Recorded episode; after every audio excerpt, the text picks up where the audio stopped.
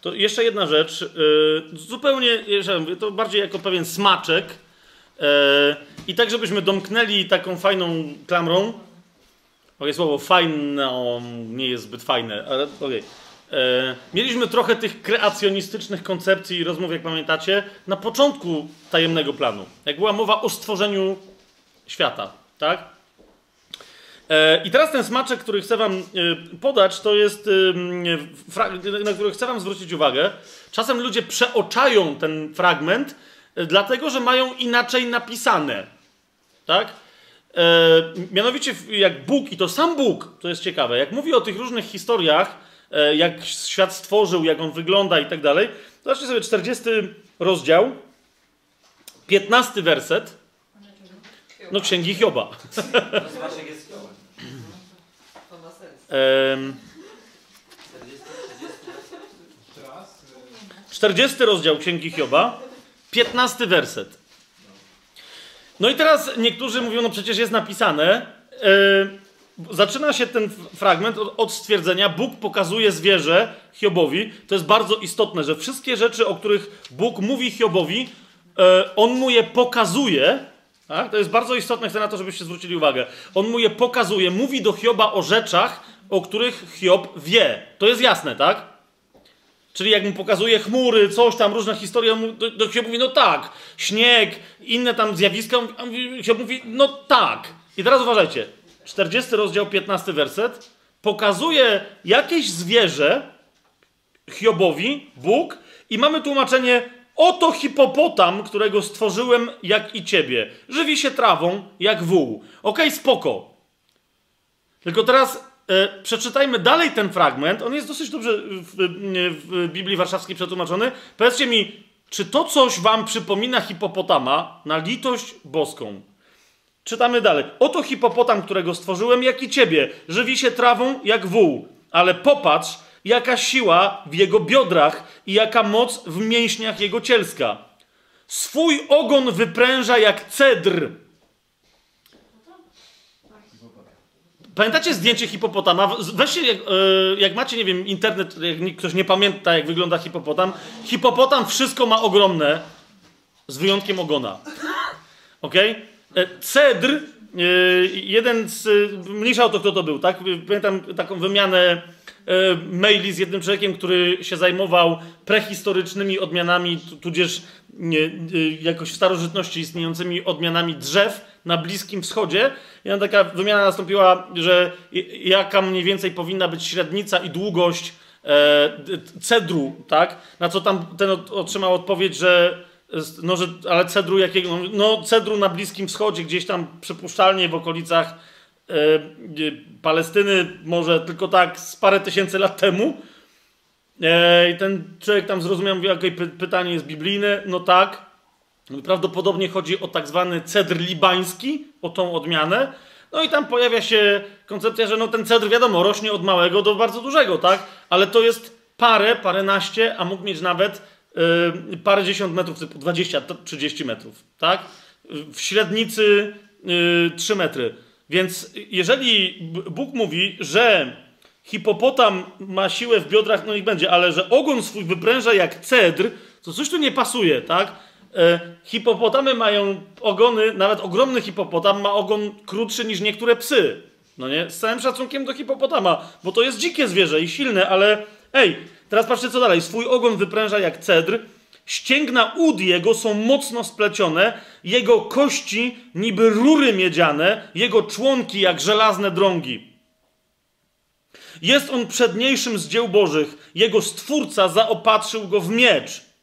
Góry, gdzie igrają wszystkie dzikie zwierzęta, dostarczają mu paszy. Wyleguje się pod krzewami lotosu w ukryciu trzciny i bagna. Krzewy lotosu osłaniają go cieniem, otaczają go wierzby nad potokiem. Oto gdy rzeka wzbiera, nie płoszy się, jest spokojny, chociażby Jordan wpadł do jego paszczy. Czy można go wyciągnąć hakami albo przekłuć kołkiem jego nozdrza? W odpowiedzi, y, no, domyślamy się, że no, chyba nie. I tu skończmy teraz ten opis. Tak? Yy, wszyscy są zgodni co do tego, że język, którym tutaj posługuje się autor księgi Hioba, mówi o czymś absolutnie ogromnym. Ok? Mówi wyraźnie o tym, że ma długi ogon, tak? że jest potężne, że może chodzić po lądzie, że żywi się yy, roślinnością, ale że wypoczywa tak, że leży w bagnie, tak? Tak, że mo mogą nad nim być brzozy, wierzby yy, i kwiat lotosu i tam inne historie, tak? Że ma nogi, kości, nie nogi, ale że kości w jego ciele są niby rury miedziane, więc rozumiecie, bardzo silne, ale puste w środku. Słyszycie to? Mamy bardzo konkretny opis, tak? I teraz uważajcie. Yy, oczywiście tu nie ma żadnego, od razu sobie dodajmy, tu nie ma żadnego hipopotama, ale po hebrajsku yy, tu oryginalnie to zwierzę jest zwane behemotem. Tak? I teraz uważajcie. Yy, czytam wam taki opis. Apatozaur ja, ja, nie chcę powiedzieć, że to jest apatozaur, tak? Nie chcę powiedzieć, że to jest apatozaur, behemot, ale, y, bo chodzi mi o to, że my w ogóle dzisiejsza nasza wiedza wcale nie jest taka rozległa na temat y, gatunków, y, dinozaurów tak tak ale posłuchajcie tego. Jeden z przykładowych opisów, tak? Apatozaur Czytam, tak? Sprawdziłem tylko i wyłącznie te dane, które mamy najnowsze na temat takiego stworu, stwora, który się zwał apatozaurem. Było to jedno z największych zwierząt lądowych, jakie kiedykolwiek żyło na Ziemi. Apatozaur osiągał średnio, średnio około 20 metrów długości i mniej więcej 23 tony wagi. I teraz uważajcie. Apatozaur miał długą szyję i tylko 50 centymetrową głowę, ale jego ogon składał się z aż 82 masywnych kręgów. To sobie teraz policzcie, tak, przy tej długości, jak to były masywne kręgi. Ciało jego było również masywne, jego waga jednak była mniejsza w porównaniu do innych, chodzi o inne dinozaury. Dlaczego? Z powodu pustych przestrzeni w kościach tychże kręgów. Słyszycie to? Z powodu pustych przestrzeni. A to były, wiecie, to były to jest jak opis biblijny, tak? Z powodu pustych przestrzeni w kościach kręgów, a całe jego ciało wspierało się na nogach podobnych do kolumn. Ok? Jeszcze, jeszcze, jeszcze raz, jeszcze raz. Jego kości niby rury miedziane, jego członki jak żelazne drągi. Widzicie, tutaj też mogą być spokojnie kolumny, tam jest yy, taki wyraz. I teraz posłuchajcie to dalej. Początkowo uważano, że zauropody, na przykład właśnie apatozaur, były zbyt masywne, by utrzymać swoje cielsko na lądzie i dlatego prowadziły tylko wodny tryb życia. Ostatnie badania świadczą jednak, że wbrew starszym teoriom były spokojnie zdolne do życia na lądzie. Uważajcie, apatozaur wszakże żerował nisko na ziemi, a jego długi ogon stanowił przeciwwagę dla szyi. Niegdyś apatozaury i innych przedstawicieli diplodocidy przedstawiano jako żerujących w koronach drzew. Pamiętacie takie te, te, te dinozaury i tam, że szyje wyciągały tak do góry. Ale teraz uwaga. Znowu, ostatnie badania wykazały jednak, że szyje przedstawicieli tej grupy były mniej giętkie niż wcześniej przypuszczano i uniemożliwiały taki sposób żerowania. Apatozaur połamałby sobie szyję, gdyby próbował ją ustawić prostopadle do tułowia. Obecnie uważa się więc, że apatozaury żerowały bardzo nisko nad ziemią, na podmokłych terenach, żywiąc się niskopiennymi roślinami. Jeszcze raz mamy opis behemota, tak? Jeżeli y, Biblia Gdańska y, tutaj daje, pamiętajcie, że Biblia Gdańska była tłumaczona jak nikt nie wiedział o dinozaurach, tak?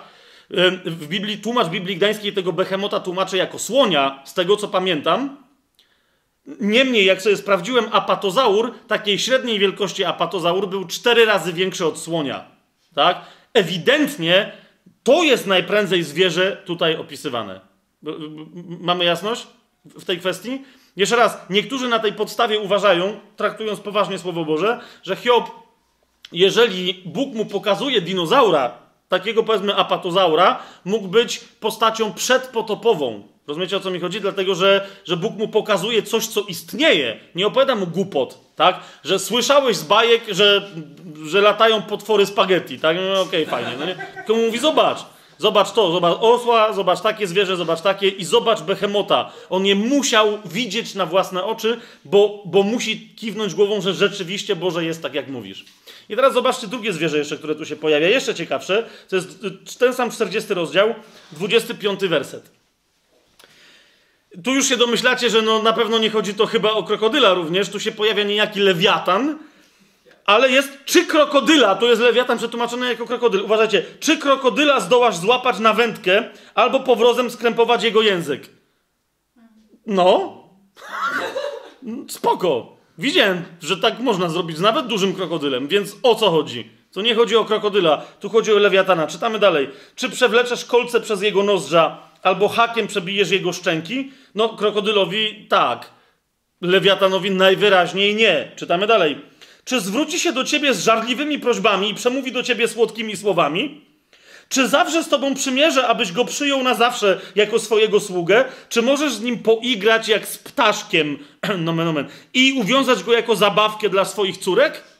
No odpowiedzi są, no raczej nie. Mówimy o czymś dokładnie wręcz odwrotnym. Czy handluje nim cech rybacki i rozdzielają go między kupców? Nie. Najwyraźniej chodzi tu więc o jakieś, wiecie, zwierzę mocno wodne, morskie, tak? Skoro cech rybacki, który łowi różne rzeczy, lewiatana raczej nie łowi. Czy możesz grotami podziurawić jego skórę albo jego głowę przebić harpunem rybackim? No odpowiedź tu jest cały czas, no nie. Cóż to za zwierzę? Eee, przejdźmy do 41 rozdziału. Nie ma takiego, drugi werset. Nie ma takiego śmiałka, który by go drażnił, a który by chciał stanąć przed jego obliczem. Kto wystąpi przeciwko niemu, a wyjdzie cało? Pod całym niebem nie ma takiego. Nie mogę zamilczeć o jego członkach, ani o wielkiej jego sile i wspaniałym uzbrojeniu.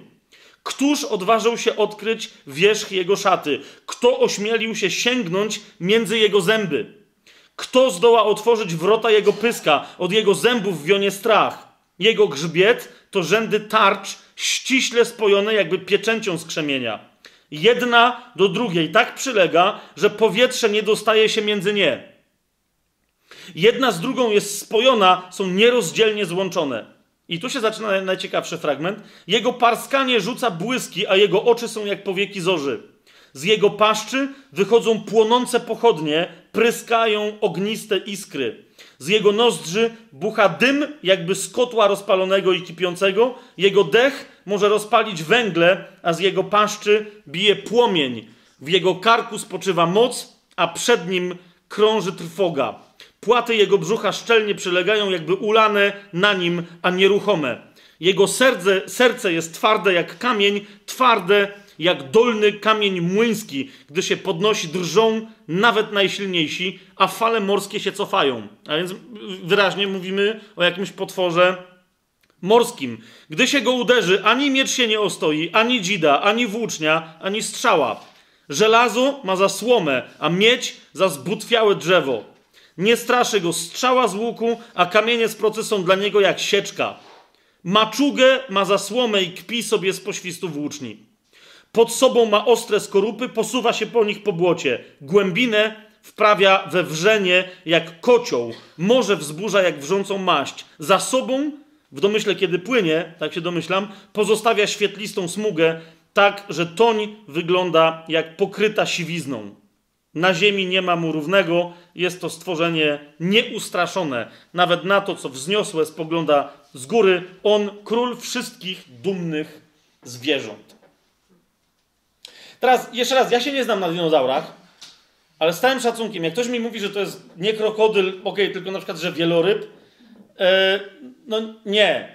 Na, naprawdę, to jest bardzo konkretny opis i rozumiecie, widzicie, że to nie jest wieloryb, tak? Teraz y, niektórzy powiadają, mówią, ok, ale y, no, ej, już nie przeginajmy, tak? Bo jak to jest morskie zwierzę i to morskie zwierzę ewidentnie zionie ogniem, no to są bajki o smokach, ale jeszcze raz, bez przesady. Kiedyś słyszałem takiego kreacjonistę, który mówił, ja wierzę w stworzenie, wszystko mówi, ale, ale Lewiatan mówi, naprawdę, to jest, naprawdę, to jest, jakieś, to jest jakaś metafora. To w tym jednym miejscu Księga Hioba troszeczkę przesadziła. I teraz dlaczego? Jego uzasadnienie brzmiało, mówi, no bo mówi, przecież gdyby na świecie istniało chociaż jedno zwierzę, które mogłoby zionąć ogniem, to moglibyśmy uznać, że no okej, okay, no to może był któryś z tych, bo, że były takie ogromne stwory, yy, wiecie, dinozaury i inne żyjące w, w, morzu, to my to wiemy, tak? Ale który z nich by zionął ogniem? W sensie najwyraźniej musiałby wyjść z wody, czy jakoś wypłynąć, pff, parsknąć tym ogniem, mówi, nie, bez przesady, to... no bez przesady. Dlatego uważam, że tu już jest przesadzone i to jest metafora. No i rzeczywiście, ja pytałem paru y, ludzi mądrych, czy bo ja się nie znam na, na wiecie, biologii, mówią, i mówią, no wiesz co, y, zionięcie ogniem rzeczywiście no, nie ma, ale są lepsze akcje. Jak to? Na, naprawdę, teraz ludzie, którzy są w ogóle niewierzący, rozumiecie? Paru znajomych, y, którzy się znają na oni mówią, słuchaj, naprawdę, jeżeli to jest jedyny argument, że ponieważ nie znamy zwierzęcia, które zionie ogniem, to znaczy, że nie istniało zwierzę, które zionie ogniem, stary, to jest żaden argument, bo naprawdę są ciekawsze rzeczy, które obserwujemy dzisiaj na świecie, które są lepsze niż zionięcie ogniem. Więc wiecie, jak ja to usłyszałem, mówię, okej, okay, dobra, nie mam dowodu biblijnego, ale dawajcie mi te zwierzęta. Uważajcie. Strętwa. e, znacie strętwę. Strętwa to, ja nie wiedziałem, że to jest strętwa. Zawsze wiedziałem, że istnieją węgorze elektryczne. Tak? Toż okazuje się, że ten węgorz elektryczny nie jest żadnym węgorzem i tak się nazywa tylko potocznie. Natomiast e, o, profesjonalnie nazywa się strętwa. I teraz uważajcie, e, strętwa potrafi przeprowadzić atak elektryczny przy pomocy odwłoku swojego ciała, który, który w, w jednym potężnym wybuchu wydziela średnio od 300 do 600 V kopnięcie. Tak? Jak dotkniesz się czegoś tam w gniazdku, to tam jest ile? 220, 280 max. Tak? 30. 230, no nie, nie, ale... 380, Nie, ja mówię o normalnym gniazdku. Tak?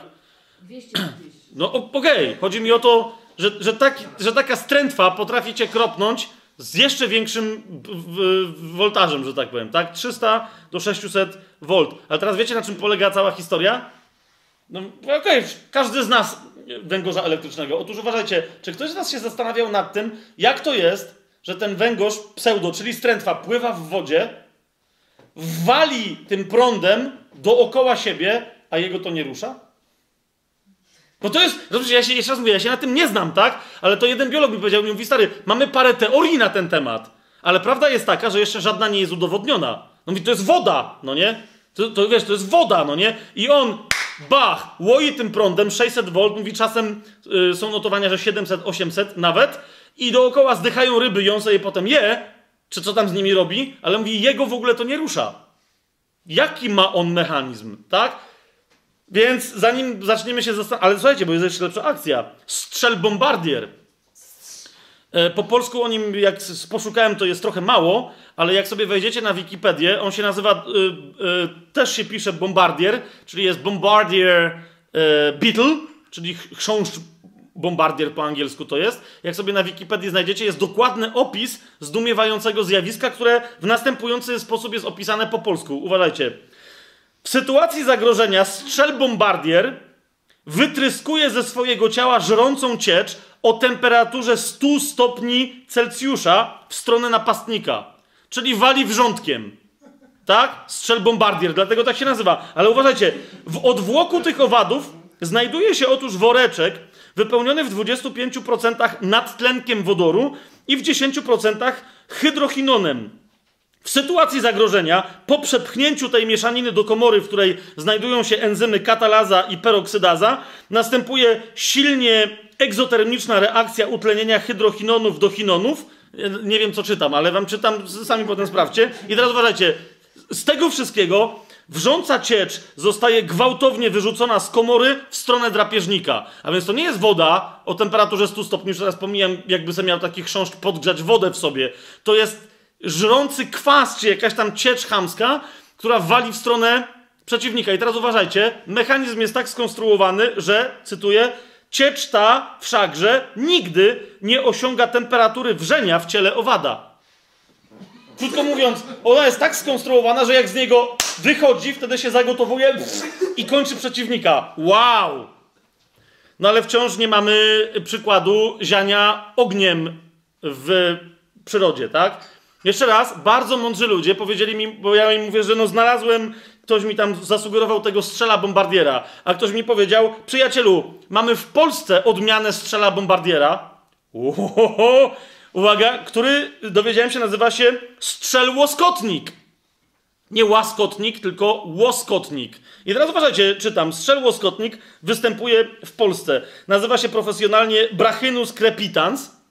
I teraz czy, dosłownie czytam, żeby nie było, czytam co on robi. Brachynus crepitans w razie zagrożenia wystrzeliwuje w stronę napastnika wytwarzaną przez siebie mieszaninę nadtlenku wodoru i P-hydrochinonu z dodatkiem enzymów rozkładających nadtlenek wodoru. Katalaza, peroksydaza w nawiasie. Nie wiem o co chodzi. Konkluzja. Atomowy tlen uwolniony przez enzymy z nadtlenku wodoru reaguje z P-hydrochinonem i gwałtownie utlenia go do P-chinonu. Ostatnie zdanie w reakcji wydziela się duża ilość energii, w rezultacie mieszanina wybucha. Polski chrząszcz strzel łoskotnik. Teraz uważajcie, rozumiecie do czego zmierzam? Jak my mamy wykopaliska jakichś zwierząt, które żyły w prehistorii jakiejś, tak, typu dinozaury, Mamy kości z nich. Z wiele z tych kości jest niekompletnych, ale chodzi mi o to, że naprawdę my nie wiemy, jakiego koloru miał, miał skórę taki czy inny dinozaur, bo to nie zostało e, w skamieniałościach, tak? Nie wiemy, jak co w nim funkcjonowało. M mamy mnóstwo natomiast przykładów zwierząt, które zdumiewające historie w swoim ciele wyprodukowują, znacznie ciekawsze niż tylko, jak słyszymy o lewiatanie, że zioną ogniem będąc w wodzie, tak? Te trzy przykłady malutkie, znaczy ten, ten ta strętwa, czyli ten tak zwany węgorz elektryczny, no nie jest aż taka mała, ale, bo tam może mieć tam metr czy dwa z tego, co pamiętam.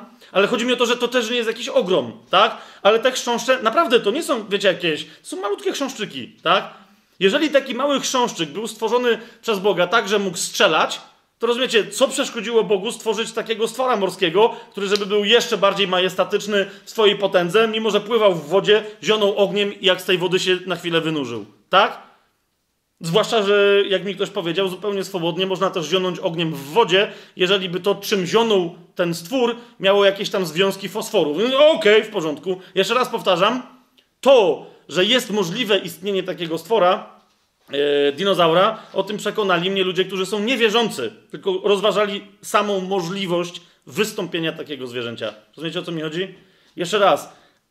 To są dwie bardzo interesujące historie zawarte, zawarte w księdze Hioba. Zagadkę wam zostawiam. Przyznam wam, że sam nie do końca jej, y, ją rozwiązałem. Jak mi ktoś powiedział, że jest ponad 20 e, teorii naukowych, które dziś są potwierdzone, a w księdze Hioba są zawarte, to jeszcze ich wszystkich e, nie odkryłem. Tak? Jest mowa na przykład w księdze Hioba, to już wam powiedziałem, o, o Orionie, o, o Plejadach.